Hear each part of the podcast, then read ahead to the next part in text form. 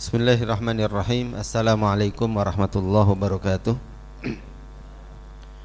Alhamdulillahi rabbil alamin Wassalatu wassalamu ala ashrafil anbiya'i wal mursalin Wa ala alihi wa ashabihi ajma'in Ashhadu an la ilaha illallah wahdahu la sharika lah Wa ashhadu anna muhammadan abduhu wa rasuluhu wa la nabiyya ba'dah اللهم صل وسلم وزد وبارك وأنعم على حبيبنا ونبينا محمد صلى الله عليه وسلم وعلى آله وأصحابه أجمعين.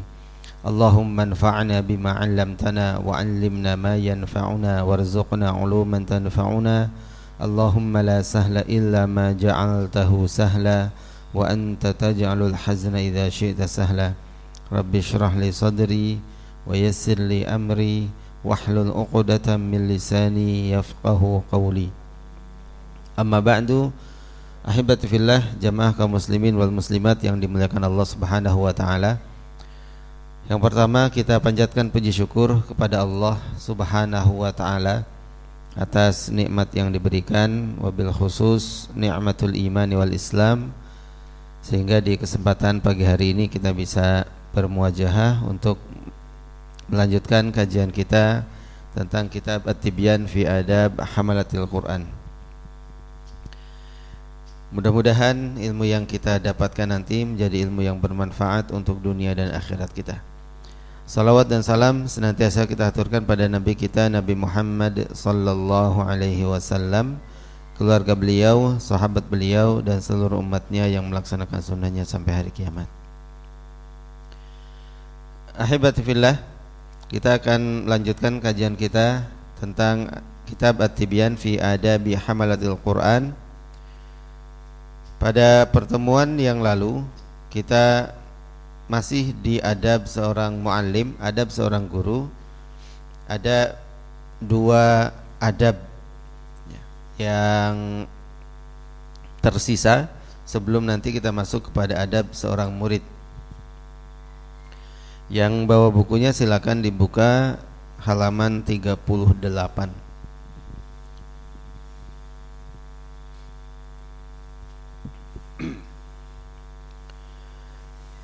Baik, bismillahirrahmanirrahim. Qala al-muallif rahimahullahu taala faslun wa min adabihi al-mutaakkidah wa ma yu'tana bihi ألا يذل العلم فيذهب إلى مكان ينسب إلى من يتعلم منه ليتعلم منه فيه. وإن كان المتعلم خليفة فمن دونه؟ بل يصون العلم عن ذلك كما صانه عنه السلف رضي الله عنهم وحكاياتهم في هذا كثيرة مشهورة. أدب berikutnya bagi seorang muallim, bagi seorang guru adalah tidak diperbolehkan untuk merendahkan ilmu. Adabnya tidak boleh merendahkan ilmu. Bagaimana bentuk merendahkan ilmu itu? Imam An-Nawawi rahimahullahu taala beliau menyampaikan bentuk merendahkan ilmu itu adalah dengan cara fayadhhaba ila makanin yansibu ila man yata'allama minhu liyata'allama minhu fihi. Seorang guru pergi ke tempat muridnya dan dia mengajar di tempat muridnya tersebut. Beliau menyebutkan ini termasuk merendahkan ilmu. Jadi ustadz dipanggil oleh muridnya untuk mengajar di rumahnya. Kemudian di rumahnya itulah guru mengajar si muridnya tersebut. Ada yang begitu sekarang, Pak? Privat.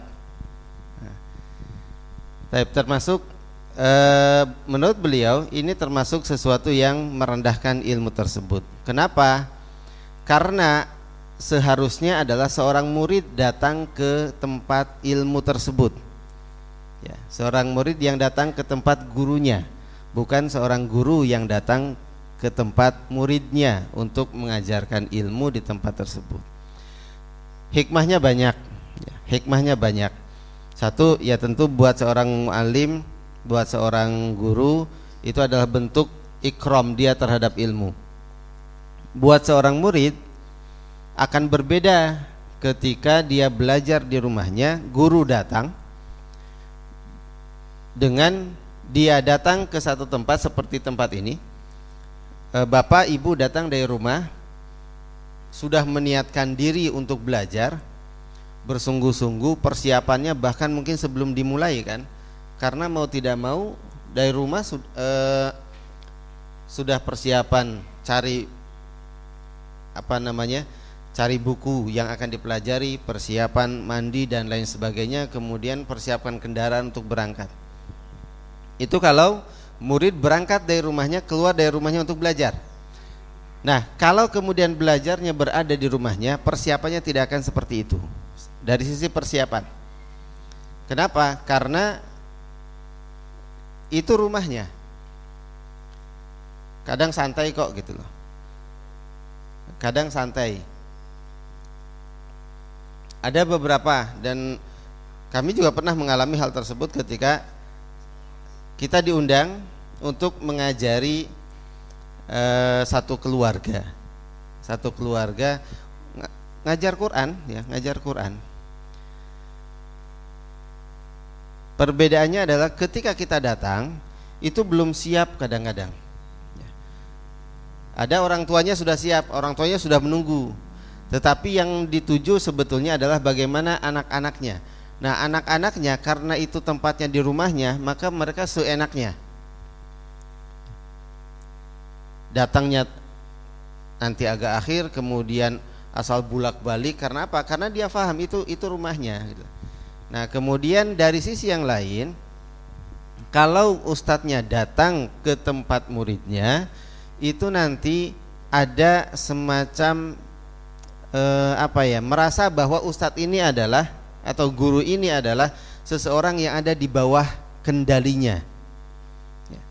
kalau ustadznya yang didatangkan datang ke rumahnya ya jadi perlu hati-hati bukan tidak boleh ya bukan tidak boleh tapi dari sisi adab bagi seorang mualim sebaiknya tidak begitu ilmu yang seharusnya didatangi jadi murid-murid yang harus datang ke rumah gurunya, bukan guru yang datang ke rumah muridnya untuk mengajar di tempat tersebut. Jadi kita sebagai murid yang kemudian harus meluangkan waktu, meluangkan tenaga, menyiapkan e, bekal dan lain sebagainya untuk belajar datang ke majlis-majlis taklim yang ada di di tempat-tempat yang ada di sekitar kita. Nah, ada beberapa yang kemudian ketika dia malas untuk datang karena banyak faktor karena mungkin bisa jadi jauh karena bisa jadi di situ ada banyak orang yang tidak dia kenal malu ya. kalau belajar bareng-bareng di sini apalagi dia masih baru akhirnya eh, dia punya keinginan bagaimana ya kalau seandainya ustadznya yang kita undang? Ya, ustadznya yang kita undang. Kemudian biasanya begitu nanti akan akan tanya hal-hal yang lain yang sifatnya mungkin sensitif. Kalau tidak apa nama kalau tidak hati-hati itu sering kali sampai ke masalah mukafaah. Kira-kira berapa nilai yang pantas untuk untuk guru ini? Berapa harus saya bayar dan lain sebagainya. Dan itu adalah sesuatu yang tidak yang tidak patut untuk kemudian di, disampaikan kepada kepada gurunya. Nah, hal-hal semacam ini yang perlu diperhatikan. Sekali lagi, bukan tidak boleh, tetapi dari sisi adab itu termasuk yang kurang baik. Seharusnya ya kita yang kemudian menyiapkan waktu. Ada guru di mana nih? Ya udah kita datang. Ada kajian di mana? Ya sudah kita kita datang. Bagaimana dengan kondisi semacam kita sekarang ini? Yang semacam ini tidak tidak apa-apa. Di mana ada satu lembaga, ada satu masjid yang kemudian dia mengkoordinir murid-muridnya datang ke tempat tersebut untuk mempermudah dan itu tidak masalah, nggak apa-apa. Tapi kalau kemudian datang ke rumah ke rumah kita, kemudian ngajari kita, itu sebaiknya untuk tidak tidak dilakukan, meskipun boleh. Kecuali kalau kita bisa menempatkan dia seperti halnya kita menempatkan e, beliau sebagai seorang guru sama ketika kita datang ke tempatnya. Bahasanya begini, kalau acara mulai pengajian itu jam 5 jam 5 mulai yang jauh-jauh akan datang persiapannya itu saya yakin sebelum jam 5 pastinya sebelum jam 5 nah kalau di rumah kita bisa nggak persiapannya sama? Bisa nggak sambutannya sama? Kemudian memberikan ikromnya sama dan lain sebagainya. Kalau memang bisa tafadhol tidak tidak apa-apa. Atau mungkin kita punya rumah. Kita punya rumah kemudian kita gunakan untuk kajian-kajian. Silahkan saja tidak apa-apa. Dengan mengundang sekian banyak masyarakat sekitar untuk memanfaatkan rumah kita sebagai tempat kajiannya. Silahkan tidak tidak apa-apa yang seperti itu enggak, enggak masalah. Sekali lagi tidak tidak dalam tataran oh ini enggak boleh nih hukumnya haram dan lain sebagainya. Bukan tataran itu. Nah tapi bagi seorang muallim ini bagi seorang muallim harus ada izah di situ. Ya. Jangan sampai kemudian dia dikendalikan oleh oleh murid-muridnya. Jangan sampai begitu, tapi muridnya yang harus taat kepada kepada gurunya. Ada bahasa yang mengatakan uh, ikram menghormati guru itu bagus tapi mengatur guru itu tidak baik. Mengatur guru itu gurunya yang diatur jadwalnya di sini di sini jam sekian sampai jam sekian dan lain sebagainya. Itu tidak tidak baik, tapi menghormatinya itu diharuskan. Nah dalam hal ini bagi seorang mualim nanti perlu perlu tahu bab ini. Bahkan Imam An Nawawi mengatakan wa inkan al khalifah seandainya wa inkan al muta'allimu khalifah bahkan seandainya muridnya itu adalah seorang khalifah seorang pemimpin seorang presiden kalau zaman sekarang itu tidak boleh kemudian seorang guru datang ke istana untuk ngajar khalifah itu. Karena alasan saya sebagai khalifah maka otomatis saya yang harus e, memanggil guru tersebut. Kenapa? Masa iya khalifah kemudian belajar bareng-bareng dengan dengan rakyatnya nah dalam hal ini tidak tidak bisa begitu. Ilmunya yang kita yang kita hormati. Maka khalifah datang. Dan satu kisah juga e, cukup bagus yaitu ketika e, Khalifah Harun ar-Rashid beliau datang sendiri ke ke mana? Ke rumah seorang syekh, ke rumah seorang muallim. Untuk apa? Untuk mengantarkan putranya supaya diajari ilmu oleh guru ini, guru gurunya, oleh syekhnya. Ajari dia ilmu dan berikan dia adab. Datang sendiri ke rumah syekhnya, bukan bukan syekhnya yang dipanggil kemudian minta mengajari anaknya di di istana. Dan ketika mendapatkan putranya eh, apa namanya? Menurut Khalifah Harun Ar-Rasyid mengatakan ini nggak pantas bagi seorang murid begitu. Kenapa? Suatu hari beliau datang ke tempat syekhnya, dia mendapatkan syekhnya itu sedang sedang berwudu. Syekhnya sedang berwudu, kemudian anaknya itu sedang memegang tempat air jadi syekhnya pas waktu itu sedang cuci kaki. Anaknya menyiramkan air untuk syekhnya, syekhnya kemudian membasuh kakinya dengan tangannya sendiri. Maka langsung Khalifah Harun ar-Rashid beliau marah kepada syekhnya. Ya syekh, bukankah aku memintamu untuk mengajarkan anakku adab? Tapi kenapa engkau lakukan ini? Maksudnya kenapa? Maksudnya, bukankah engkau bisa untuk meminta kepada anakku agar memegang air di tangan yang satunya dan membasuh kakimu dengan tangan yang lainnya? Gitu. Dan itu khalifah yang datang ke ke tempat syekhnya, ke rumah syekhnya, atau kalau sekarang mungkin ya ke tempat kiainya gitu loh, datang belajar ke situ. Bukan kiainya yang yang dipanggil. Oh saya seorang khalifah nih, tolong panggilkan kiai ini ya ke rumah. Kenapa? Ada sesuatu begitu datang saya pengen belajar Quran nih kalau saya belajar di rumah kiai kan gak enak.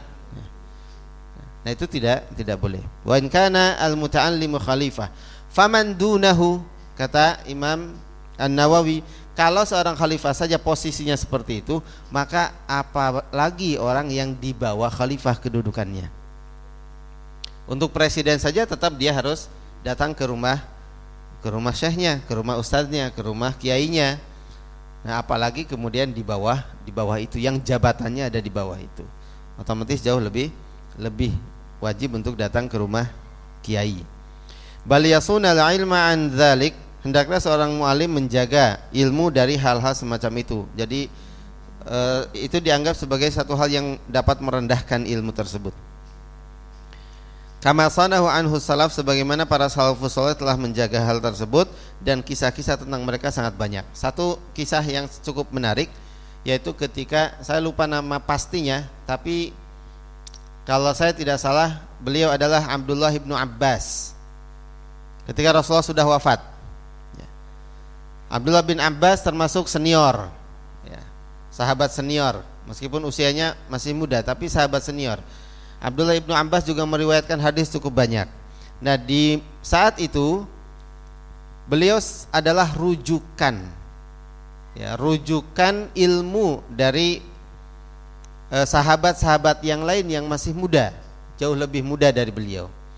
Tetapi suatu hari Abdullah bin Abbas kemudian beliau mendengar ada seorang sahabat yang dia pernah mendengar hadis dari Rasulullah sallallahu alaihi wasallam yang belum didengar oleh Ibnu Abbas radhiyallahu anhu. Maka serta merta akhirnya langsung beliau mencari informasi tentang sahabat tersebut. Kemudian didapatkanlah tempatnya, rumahnya dan kemudian beliau langsung berangkat ke rumah sahabat itu. Sesampainya di rumah sahabat tersebut ternyata pintunya tertutup. Apa yang dilakukan oleh beliau? Beliau tunggu. Jadi beliau bawa sorban kemudian di digelar, kemudian beliau tunggu di situ. Beliau duduk di di, di depan rumah. Padahal beliau sahabat senior. Ilmunya banyak, bahrul ulum gitu lah. Bahkan uh, Rasulullah sallallahu alaihi wasallam pernah uh, Umar bin Khattab radhiyallahu anhu pernah menyandingkan beliau dengan sahabat-sahabat yang lain. Ya. Tentang surat Al-Fil, bagaimana pendapatmu tentang surat Al-Fil itu kan? Sampai-sampai sahabat yang lain merasa iri ini kenapa kok masih kecil kemudian ikut musyawarah para pemuka-pemuka kaum gitu. Ya karena ilmunya itulah Ibnu Abbas. Dan kemudian ketika beliau cari ilmu, beliau datang ke rumah seorang eh, sahabat yang lain yang punya hadis dan dari derajatnya itu jauh lebih rendah. Hanya bukan sahabat senior. Kemudian ketika gurunya itu apa ketika sahabat tersebut keluar dari rumah kaget. Kenapa? Karena melihat ada sosok beliau. Maka beliau mengatakan, "Ya ibna ammi Rasulullah sallallahu alaihi wasallam." Wahai anak paman Rasulullah sallallahu alaihi wasallam, Ibnu Abbas kan paman beliau. Apa yang kau lakukan di sini? Kemudian disampaikan, "Saya mendengar engkau punya hadis yang aku belum tahu." Ya. Kemudian beliau mengatakan, sahabat tadi mengatakan, "Bukankah engkau bisa memanggilku ke tempatmu?" Menyuruh seseorang bahwa saya e, dipanggil oleh Ibnu Abbas dan aku akan datang. Dan Ibnu Abbas tidak melakukan itu. Beliau justru datang dan menunggu. Itulah e, salah satu di antara e, kisah bagaimana kita menghormati sebuah ilmu. Jadi bukan karena si fulannya, tapi karena kita memerlukan ilmu tersebut, berarti kita harus menghormati ilmu. Nah, seorang muallim perlu faham bab masalah ini bukan karena dia seorang rois, bukan karena seorang khalifah, atau yang lain-lainnya kemudian kita datang mualim tersebut ke rumah kemudian mengajarkan di rumahnya karena ada adab yang harus di, dijaga sekali lagi bukan tidak boleh ya. Tapi kemudian faslun wa yanbaghi an yakuna majlisuhu wasi'an liyatamakkana julasa'uhu fihi. Dan hendaklah kalau kita buat majelis khususnya majelis halakoh-halakoh Quran hendaklah tempatnya itu kalau bisa dibuat tempat yang luas.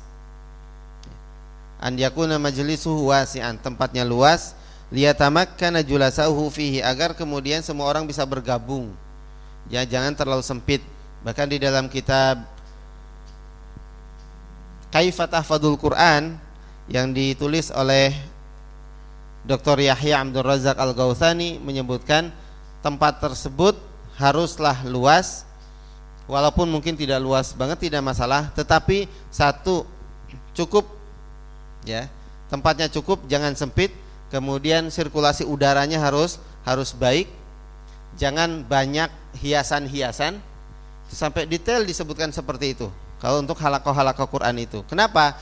Karena agar satu bisa khusyuk ketika membaca Al-Quran tidak terganggu dengan hal-hal yang e, nanti akan mengganggu. Kalau terlalu sempit mungkin nanti jadi gerah panas dan itu bisa mengganggu. Terlalu banyak hiasan juga sama tidak fokus dengan dengan tilawahnya tapi justru fokus dengan hiasannya apalagi hiasannya bagus-bagus Oh dan sekarang di beberapa masjid itu masya Allah hiasan kaligrafi itu indah-indah. Jadi orang datang situ yang dinikmati pertama kali adalah kaligrafinya. Ya bukan salah kaligrafinya tapi bagaimana kemudian kita bisa konsentrasi dan adanya hiasan-hiasan tersebut itu dengan sendirinya mengganggu konsentrasi ketika belajar Quran. Jadi lagi setoran tahu-tahu ngelamun ke mana gitu, lihat hiasannya sangat bagus. Nah termasuk juga kalau terlalu sempit itu kurang pas untuk e, dibuat halakoh. Ya setidaknya mungkin ukuran berapa tergantung dengan muridnya ada berapa. Taib e, fafil hadis ani Nabi sallallahu alaihi wasallam dan sebuah hadis Rasulullah sallallahu alaihi wasallam bersabda khairul majalis ausa'uha sebaik-baiknya majlis adalah yang paling luas ya semakin banyak e, muridnya eh, semakin luas majlisnya semakin banyak muridnya semakin banyak pahalanya. Ya kita mungkin ada banyak sekali para ulama kita ketika beliau mengajarkan ilmu itu sampai tidak terdengar ke belakang. Saking banyaknya jamaah. Dan dulu tidak ada mikrofon seperti ini gitu.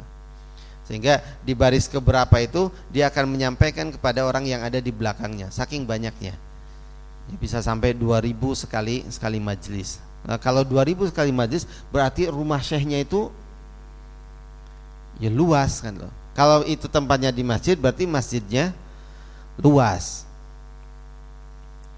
Tapi bukan cuma kajiannya yang yang penuh. Masjidnya juga tiap hari ya penuh. Kenapa? Karena di situ ada ilmu semua masyarakat datang ke tempat itu. Nah ini yang mungkin yang perlu kita kita apa namanya kita galakkan. Alhamdulillah di tempat kita majelis-majelis ilmu cukup banyak bertaburan menjamur di mana-mana itu adalah satu nikmat yang harus disyukuri. Tidak di semua tempat, ya, nggak di semua tempat seperti itu. Kemudian eh, cukup banyak, ya, cukup banyak juga jamaah-jamaahnya itu perlu disyukuri. Mudah-mudahan ini tanda-tanda kebaikan di masa yang akan datang. Tapi Bapak dan Ibu yang dirahmati Allah Subhanahu wa taala, demikian adab-adab guru. Ini sudah kita bahas dari awal sampai sampai akhir. Kenapa kok yang terakhir ini dimasukkan? Karena masih nyambung dengan bab yang sebelumnya. Ilmu itu didatangi bukan guru yang datang ke tempat muridnya, tapi murid yang datang ke tempat gurunya karena ilmu itu didatangi karena belajar itu di tempat gurunya maka otomatis guru harus punya tempat yang luas agar muridnya bisa datang. Dan kita bisa menyaksikan saat ini ada satu rumah tokoh lah tokoh ustadz kiai habaib. Itu semua datang ke tempat tempat beliau. Dan kalau kita lihat rumahnya luas-luas bukan karena untuk pamer gitu loh. Oh pamer saya kiai rumahnya luas. Enggak tapi kebutuhan agar masyarakat bisa tertampung belajar di tempat tersebut itu sangat tinggi. Kenapa ya? Karena jamaahnya tambah lama tambah banyak, otomatis rumahnya harus harus luas. Jadi kalau lihat rumah kiai, rumah ustadz, rumah habaib kok luas tapi nggak pernah ada kajian di tempatnya, nah itu perlu perlu dimuhasabah.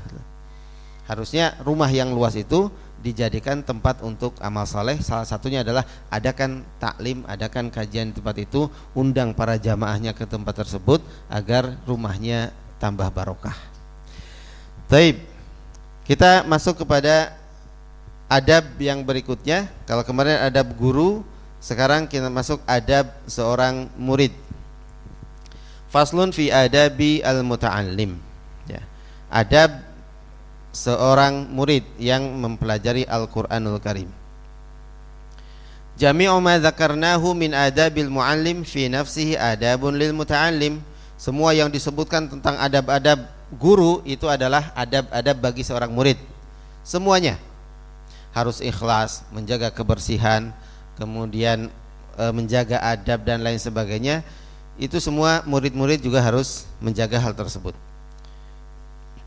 Wa min adabihi dan di antara adab-adab seorang murid adalah an yatajannabal asbab syaghilah anit tahsil illa sababan la budda minhu lil hajah.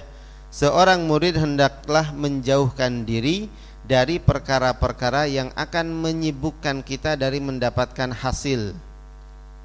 Hasil mendapatkan ilmu. Kecuali sebab yang tidak mungkin ditinggalkan karena kebutuhan kebutuhan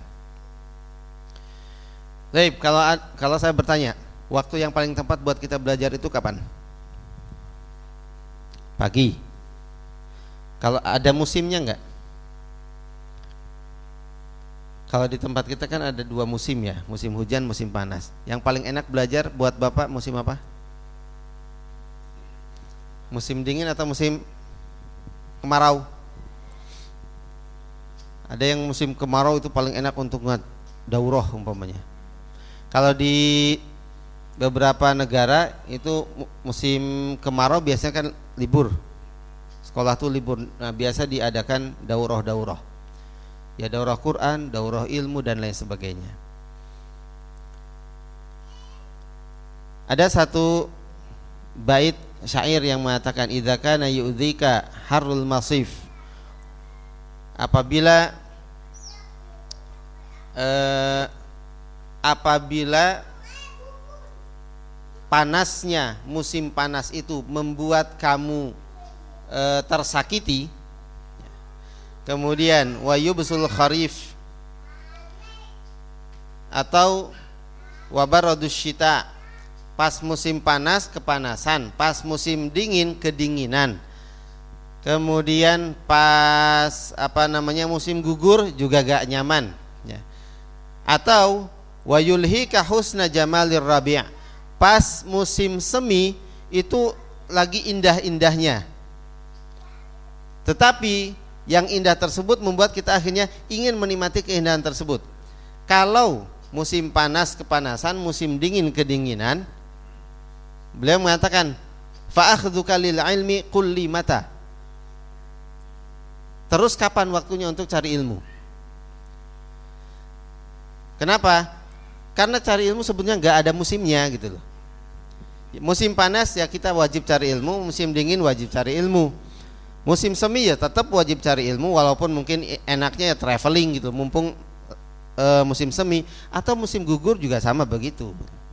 Kalau kita cari nyamannya kita nggak akan dapatkan. Sama di usia juga begitu fase usia tiga tahun, lima tahun dan lain sebagainya itu sering kali kita mengatakan wah kalau sudah usia 60 tahun susah belajar. Enaknya waktu pagi. Artinya waktu masih kecil. Kenyataannya ketika masih anak-anak juga kita sering dilanda malas untuk belajar. Remaja apalagi mulai senang macam-macam. Nah sering kali akhirnya kita baru baru sadarnya ketika sudah usia lanjut kenapa kita tidak belajar sejak sejak kecil?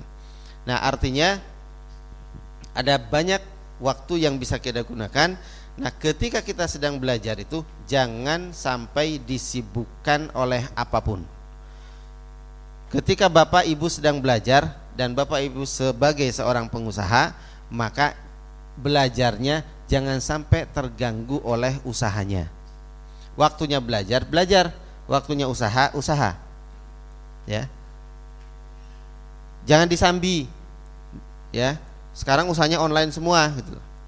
Ya, sambil nyemak kajian, orderan datang.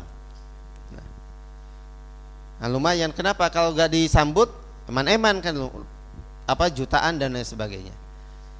Gak boleh begitu. Kita belajar belajar sudah. Nanti selesai belajar silakan urusan urusan yang lain. Nah hal itu sering kali menyibukkan kita. Yang santrinya begitu, yang ustadznya sama juga. Mungkin kalau santrinya dia pengusaha ya sambil sambil apa namanya sambil bisnis atau mungkin ada yang telepon dan lain sebagainya. Oleh karena itu ketika kita sedang belajar, nah semua hal yang menyibukkan itu tinggalkan dulu. Kalau yang paling banyak menyibukkan kita itu adalah e, telepon genggam ini, supaya tidak diganggu dengan SMS, supaya gak diganggu dengan, dengan telepon, silent dulu atau matikan dulu selama belajar. Nanti setelah belajar kita punya banyak waktu untuk SMS-an, untuk telepon-teleponan, untuk bisnis dengan dengan itu. Kalau enggak, habis waktu kita. Enggak dapat ilmunya. Yang kita dapat apa? Ya bisnisnya kita dapat, tapi ilmunya akan akan hilang. Enggak akan maksimal semuanya. Kami kami belajar dengan seorang syekh e, bersama beliau Syekh Rashid Al-Yamani. Kemudian di antara kami itu banyak yang bawa handphone. Semua sekarang bawa handphone apalagi ustadz-ustadz kan tuh. Niat ustadz tersebut kenapa beliau menghidupkan handphonenya ada bermacam-macam. Yang satu ada yang niatnya merekam kajian tersebut supaya bisa dimurojaah nanti ketika pulang biar gak lupa. Yang satu ada yang moto, ya, moto ustadznya, kemudian moto kajiannya, minta, tolong fotokan. Syekhnya tahu karena syekhnya juga ikuti foto dan yang moto juga yang ikut kajian sebelum dimulai itu. Buat apa? Satu buat dokumentasi, yang kedua buat laporan. Kalau itu memang kegiatan, kan kita diwajibkan untuk laporan kegiatan apa saja itu wajib dilaporkan ke ke atasan. Nah, ketika sedang kajian karena itu juga bagian daripada eh, apa namanya untuk menambah apa istilahnya upgrading keilmuan, maka itu difoto dan disampaikan di grup laporan. Apa yang terjadi? Oh, kalau sambutan dari grup tersebut bagus, kenapa? Karena ada keinginan untuk menambah ilmu buat para ustadz-ustadz ini yang biasa ngajar macam-macam sekarang beliau juga jadi jadi murid tetapi syekhnya nggak begitu. Beliau mengatakan ketika saya belajar itu bagaimana caranya supaya tidak terganggu. Mulai hari ini semua handphone tolong untuk dimatikan. Jadi selama proses belajar satu jam itu tidak boleh ada satu orang pun yang main-main handphone, baik itu untuk merekam, baik itu untuk moto, laporan dan lain sebagainya. Udah mati semuanya. Handphone diletakkan, disimpan dan semua fokus dengan dengan materi yang disampaikan oleh Ustadz. Dapat tuh ilmunya masya Allah luas sekali, dalam banget dan kita nggak diganggu. Nah selama belajar kita harus begitu Gimana caranya? Ya waktu satu jam ini jam ini betul-betul manfaat, dapat ilmunya semuanya, nggak diganggu dengan hal-hal yang sifatnya tidak tidak bermanfaat. Tapi beliau juga mengatakan illa sababan kecuali jika ada sebab yang tidak mungkin dihindari karena kebutuhan. Ini hal-hal yang yang datang eh, bisa jadi tiba-tiba sehingga kita akhirnya harus meninggalkan meninggalkan belajar ya apa namanya sangat mungkin sering ada gangguan santri itu sering kadang ada gangguan gangguannya bisa jadi orang tua sakit sehingga dia harus pulang ya. karena orang tuanya sakit orang tuanya meninggal dan lain sebagainya ada keluarganya yang kena musibah itu mau tidak mau Ya, meskipun ada beberapa orang tua yang yang mengatakan pokoknya jangan pulang. Udah kamu selesaikan di sana. Bahkan ada orang tua yang yang buat kami tega gitu loh. Dari awal dia daftarkan itu gak pernah ditengok sama sekali. Empat tahun. Pulang gak boleh pulang. Nanti datang lagi itu ya pas wisuda itu ada juga yang begitu tapi buat kami tidak menyarankan itu nah, tetap orang tua juga e, harus datang minimal komunikasi kalau jaraknya jauh apalagi dengan situasi semacam ini itu tetap komunikasi antara anak dengan orang tua tidak boleh terputus gara-gara dia belajar justru e, ketika dia belajar komunikasi harus jalan baik itu santrinya dengan orang tuanya atau ustadznya dengan dengan orang tua santri itu sangat membantu ya membantu pendidikan. Taib, itu yang pertama. Kemudian yang berikutnya wayan bagi an yutahhira qalbahu minal adnas dan hendaklah seorang murid itu mensucikan hatinya dari kotoran-kotoran. Adnas yaitu kotoran, maksudnya adalah najis. Dua, satu najis dalam bentuk eh, kotoran maknawiyah. Artinya ada gibah, ada namimah, ada sum'ah, ada ria, penyakit-penyakit hati itu adalah kotoran yang akan membuat seorang penuntut ilmu rusak nanti ilmunya. Datang ke sini niatnya harus baik dulu. Kalau niatnya ria itu adalah kotoran. Datang ke sini dapat ilmu untuk apa? Untuk mendekatkan diri kepada Allah Subhanahu wa taala, bukan untuk pamer, bukan untuk e, menjadi lebih baik di atas orang lain tetapi niatnya adalah untuk menyombongkan diri itu adalah kotoran-kotoran hati. Ketika itu diawali dengan sesuatu yang buruk maka hasilnya nanti tidak baik. Meskipun ilmunya sendiri bagus. Ketika datang belajar Quran sampai akhirnya bacaannya baik makhorijul hurufnya juga baik dapat sanad bukan cuma satu kiroat bisa sampai kiroah sabah tujuh kiroat sepuluh kiroat kalau diawali dengan niat yang baik, dia akan kembali dengan ilmunya dan kemudian dia menjadi orang yang sombong. Merasa dia paling baik bacaannya, merasa dia paling baik ilmunya sehingga dia merendahkan orang orang lain. Kalau ada imam berdiri di situ langsung dia membuat penilaian. Oh, ini gak cocok jadi imam. Kenapa? Bacaannya makhrajnya nggak pas padahal uh, imam yang di sini juga tidak. Tidak apa namanya bacaannya tidak salah-salah. Betul cuma mungkin ada beberapa yang kurang tapi tidak sampai kemudian pada pada tingkatan batal salat salat salat tersebut. Hanya mungkin oh, ini kurang makhrajnya kurang pas. Kemudian sifatnya nggak masuk dan lain sebagainya. Nah buat seorang murid hati-hati yang seperti itu kemudian dia merendahkan yang lain. Semakin tinggi ilmunya, tapi kalau ada kotoran-kotoran hati di situ, maka akan rusak nanti ilmunya. Maka Rasulullah juga mengatakan siapa yang kemudian dia belajar ilmu tapi untuk memamerkan diri di hadapan para uh, ulama mem memperlihatkan diri bahwa saya adalah penuntut ilmu. Di hadapan orang-orang yang tidak punya ilmu dia juga menyombongkan diri kemudian ngajak debat dan lain sebagainya, maka gak akan ada manfaatnya sama sekali. Ya. Udah kita belajar ilmu untuk apa? Untuk mendekatkan diri kepada Allah Subhanahu wa taala. Baca Quran itu itu kewajiban kita. Maka kenapa kita harus belajar Quran? Ya agar kita semakin dekat dengan kalamullah. Udah Allah memerintahkan itu waratilil Qur'ana tartila watslu ma uhiya ilaika min kitab min. Itu kan perintah-perintah semua, perintah untuk baca Quran. Nah kalau kita nggak bisa baca Quran terus bagaimana kita melaksanakan perintah Allah itu? Caranya bagaimana? Ya belajar, tapi ketika belajar hati-hati.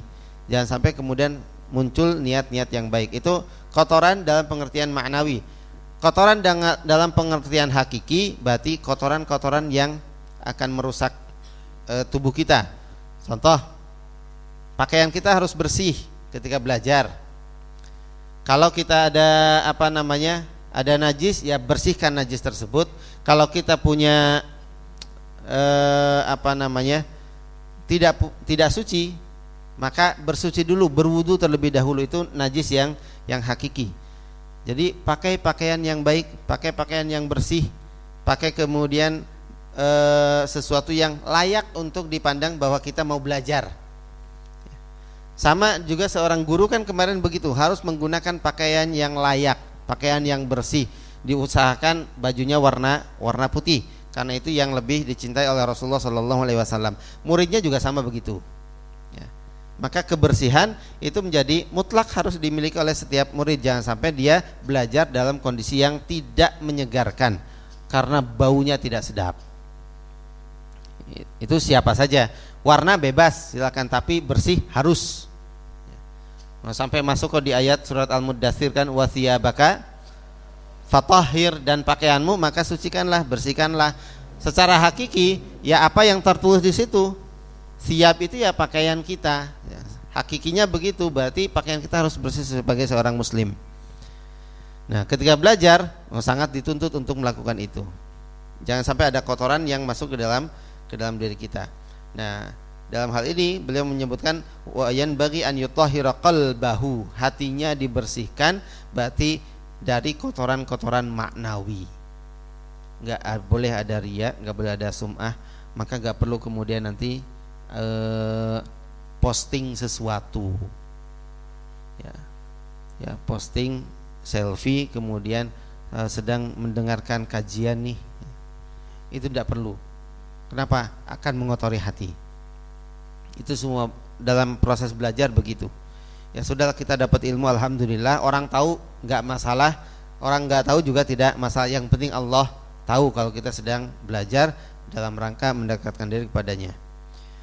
Baik, kemudian tujuannya kenapa harus bersih hati dulu? Liasluh liqabulil Qur'ani wa hifdhihi wastithmari agar dia menjadi baik Ketika hatinya jadi baik, maka otomatis Qur'annya bisa diterima. Ilmunya nanti akan didapat dan akan berbuah.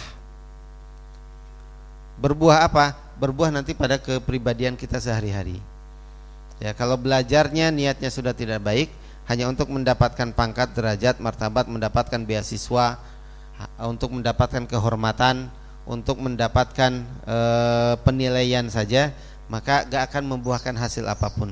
Ya cuma dia bagus saja bacaan Qurannya, dia hafal 30 juz tapi dia nggak dapat apa-apa dari Allah Subhanahu wa taala. Sebuah hadis yang sangat masyhur Rasulullah sallallahu alaihi wasallam bersabda, "Ala inna fil jasadi mudghah idza saluhat saluhal jasadu kullu wa idza fasadat fasadal jasadu kullu." E, dalam teks hadis ini di buku terjemahannya idza salaha. Tapi yang kami tahu adalah idza soluha pakai dhammah. Dan ada faidah bahasa antara solaha dengan soluha. Kalau solaha itu artinya sama baik, soluha juga artinya sama baik. Tapi kalau pakai fathah itu artinya baik tapi sekali. Idza salahal idza salahat salahal jasadu kulluh. Apabila hatinya baik maka baiklah seluruh jasadnya wa idza fasadat fasadal jasadu kullu apabila rusak maka rusak seluruhnya. Tapi kalau soluha itu tufidu istimrar wa takrir. Artinya ketika kita baik dan baiknya itu dilakukan terus menerus sampai kemudian baik itu menjadi sijiyah menjadi simah menjadi kebiasaan menjadi ciri khas. Maka otomatis nanti akan baik seluruh tubuhnya. Jadi kata soluha itu faidahnya adalah bifi'lin mutakarrirah dengan melakukan satu kegiatan secara berulang-ulang sampai akhirnya menjadi kebiasaannya. Sampai jadi baik terus karena sekali berbuat baik belum tentu kemudian akan akan memperbaiki. Tapi kebaikan itu perlu diulang-ulang. Nah, hati kita perlu diulang-ulang untuk melakukan kebaikan. Perlu diulang-ulang untuk ketika datang ria tinggalkan. Datang ria, tinggalkan. Gak cuma sekali. Niat itu harus di, dijaga dari awal sampai sampai akhir. Muncul nanti godaan setan, tepis. Muncul lagi, tepis lagi. Harus terus begitu. Nah, sampai kemudian akhirnya hati kita terkondisi untuk untuk belajar dengan dengan baik. Kemudian walaqad ahsanal qail. Betul apa yang disampaikan oleh seseorang? Yatibul qalbu lil ilmi kama tatibul ardu lizira'ah hati yang baik itu akan mudah mendapatkan ilmu. Jadi yatibul qalbu lil ilmi. Hati yang baik cocok untuk menerima ilmu sebagaimana tanah yang subur bagus untuk bercocok tanam.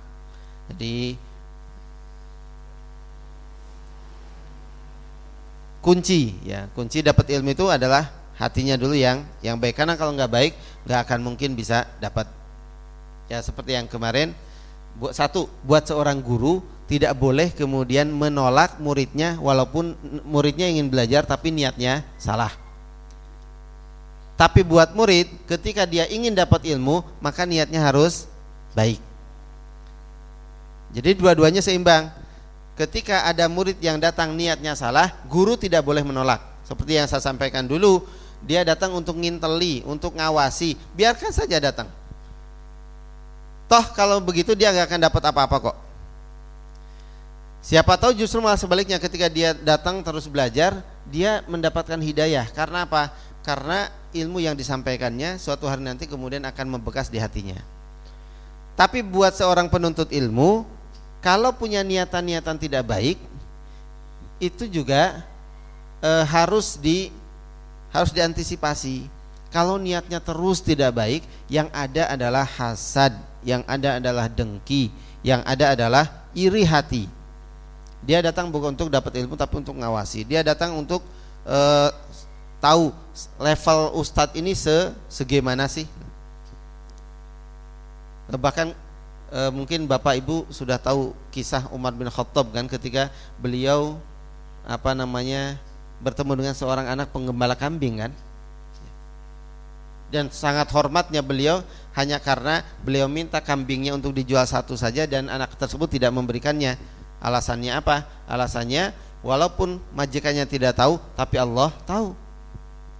Ada seorang khalifah menghormati ilmu yang didapatkan oleh eh, yang didapatkan dari anak kecil ini.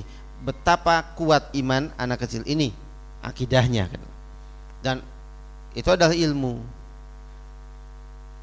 anak kecil penggembala kambing sementara ini khalifah maka ketika datang ke tempat ilmu sudah niatkan saja untuk dapat ilmunya. Perkara orangnya nggak cocok sama saya itu urusan yang lain. Tapi ilmunya baik, ambil gitu Dan itu tidak mudah ya. Kita dapat ilmu dari orang yang nggak cocok. Gitu dari kita itu oh itu berat sekali. Ya. Tapi ilmunya nggak ada yang salah. Ilmu ilmunya nggak ada yang salah. Cuma gandeng apa namanya dia itu mungkin saingan kita di luar Nah, itu berat. Nah, sama orang belajar juga begitu. Tapi kemudian wayan bagi an yatawaddu ali muallimihi wa yata'addaba ma'ahu. Seorang murid hendaklah dia rendah hati kepada gurunya dan menjaga adab terhadap terhadapnya terhadap guru, tidak boleh sombong. Wa in kana asghara min husinnan, walaupun walaupun gurunya itu lebih muda dari sisi usia, tetap harus hormat. Bapak belajar Quran. Usia Bapak sudah 50-60 tahun. Sementara yang ngajari anak usia SMA Tetap harus Harus hormat. Enggak, Jangan ngatur gurunya. Saat saya kan sudah Sudah 50 tahun. Bu di di apa namanya e, cara ngajarnya agak di apa namanya diperbaikilah gitu. jangan dipaksa. Oh nggak jadi pak. Nggak jadi. Saya yakin nggak jadi bapak kalau kemudian e, ngatur gurunya. Kenapa? Masing-masing guru punya metode sendiri. Ada satu pengalaman ketika ada ibu-ibu belajar bahasa Arab namanya bukan nggak pernah mondok ya nggak pernah mondok kemudian tahu-tahu belajar bahasa Arab karena program ya. didatangkanlah seorang guru guru bahasa Arab gurunya luar Jawa muridnya orang Jawa semua punya metode keras. Metodenya keras banget. Sampai waktu libur itu nggak kenal liburan, mesti ditanya ada PR. Dan masya Allah kreatif sekali gurunya tersebut. Suruh ngomong bahasa Arab, ya, pakai telepon, voice note, dan itu akan ketahuan bisa atau tidaknya. Ketika sedang liburan ada PR, PR-nya apa? Telepon-teleponan dengan temannya sendiri selama dua menit nanti direkam kemudian distorkan. Jadi liburan itu nggak terasa liburan. Sampai kemudian murid-muridnya tuh merasa, oh ini kita belajar kok kayak dipaksa banget. Apa nggak tahu ya kita ini bukan satu bukan orang pondok, jadi orang umum. Merasa terpaksa betul, tapi berhasil pak. Dan alhamdulillah ibu-ibu itu nggak ada yang kemudian protes kepada ustadznya, nggak berani, ya, nggak berani yang sebelumnya ya mereka senang wah ini ustadznya enak nih. Ya, gampang, tidak terlalu repot dan lain sebagainya. Tapi justru dengan yang metode yang kedua ini ternyata ibu-ibu jadi rajin. Ada per tidurnya jadi malam-malam gitu. Biasa mungkin jam 9 sudah tidur malam, ini jam 10, jam 11 baru tidur. Bukan nonton sinetron, tapi belajar ngerjakan PR tiap malam. Nah, sampai suami-suaminya juga ikut garap PR-nya. Kenapa? Karena kalau gak dibantu oleh suaminya, wah besok ke, mesti kelimpungan. Jadi akhirnya suami istri belajar bahasa Arab tuh bareng-bareng. Ya kebetulan suami-suami itu ya ya ustadz-ustadz. Ibu-ibu itu ya ya guru-guru di di Mahat Iskarima yang sedang belajar bahasa Arab. Jadi alhamdulillah ke mana-mana tuh sekarang kalau ketemu ya bahasa Araban minimal kaifah haluk. Ya, minimal itu. Tapi ada ada banyak kata-kata yang kemudian melekat banget di di kepalanya. Kenapa? Karena gurunya punya metode dan itu yang yang kemudian diterapkan dan muridnya sam'an wa. Jadi gak ngatur muridnya. Ustadz saya ini sudah sepuh saat kalau dipaksa saya tidak bisa. Sementara kalau nggak dipaksa tambah nggak bisa gitu. Jadi metode apa pun yang diterapkan oleh gurunya ya kita harus hormat. Ya, tetap jaga adabnya. Jadi guru kita gak usah diajari, apalagi e, kita sebagai guru gitu loh. Ya kita guru di satu disiplin ilmu, tapi kita nggak bisa nih baca baca Quran. Datang guru kita, guru Quran, tapi usianya lebih muda dari kita. Tetap kita harus hormati dia sebagai seorang muallim karena dia punya ilmu dan kita tidak tidak punya ilmu itu. Wa in kana asghara min husinnan wa aqalla syuhratan atau guru kita tidak lebih populer daripada kita muridnya artis. Muridnya artis gurunya orang biasa orang desa orang tahu ketika dia lewat oh ini artis minta foto dan lain sebagainya tapi gurunya lewat orang nggak akan nggak akan apa namanya tertarik sama sekali itu siapa ya oh, cupu, culun, gitu, kayak Cooper dan lain sebagainya. Tapi dia seorang guru. Nah, ketika dia datang untuk mengajari kita, maka kita tetap harus hormat. Jangan mentang-mentang kita sudah terkenal ya seorang artis, ya seorang pejabat dan lain sebagainya kemudian memperlakukan guru kita seolah-olah dia adalah bawahan kita. Nah, maka itu akan berbeda ketika kita punya jabatan, kita ingin belajar, kita datang ke rumahnya. Rumah kita sebagai seorang pejabat pasti insya Allah lebih baik daripada rumah rumah ustadz kita. Begitu datang rumahnya begitu, bagaimana kemudian sifat tawadu akan muncul Kenapa? Karena kita dapat ilmu dari rumah yang sederhana itu. Tapi kalau kemudian dia datang, ustadznya orang biasa, kaget, waduh, rumahnya kayak gini.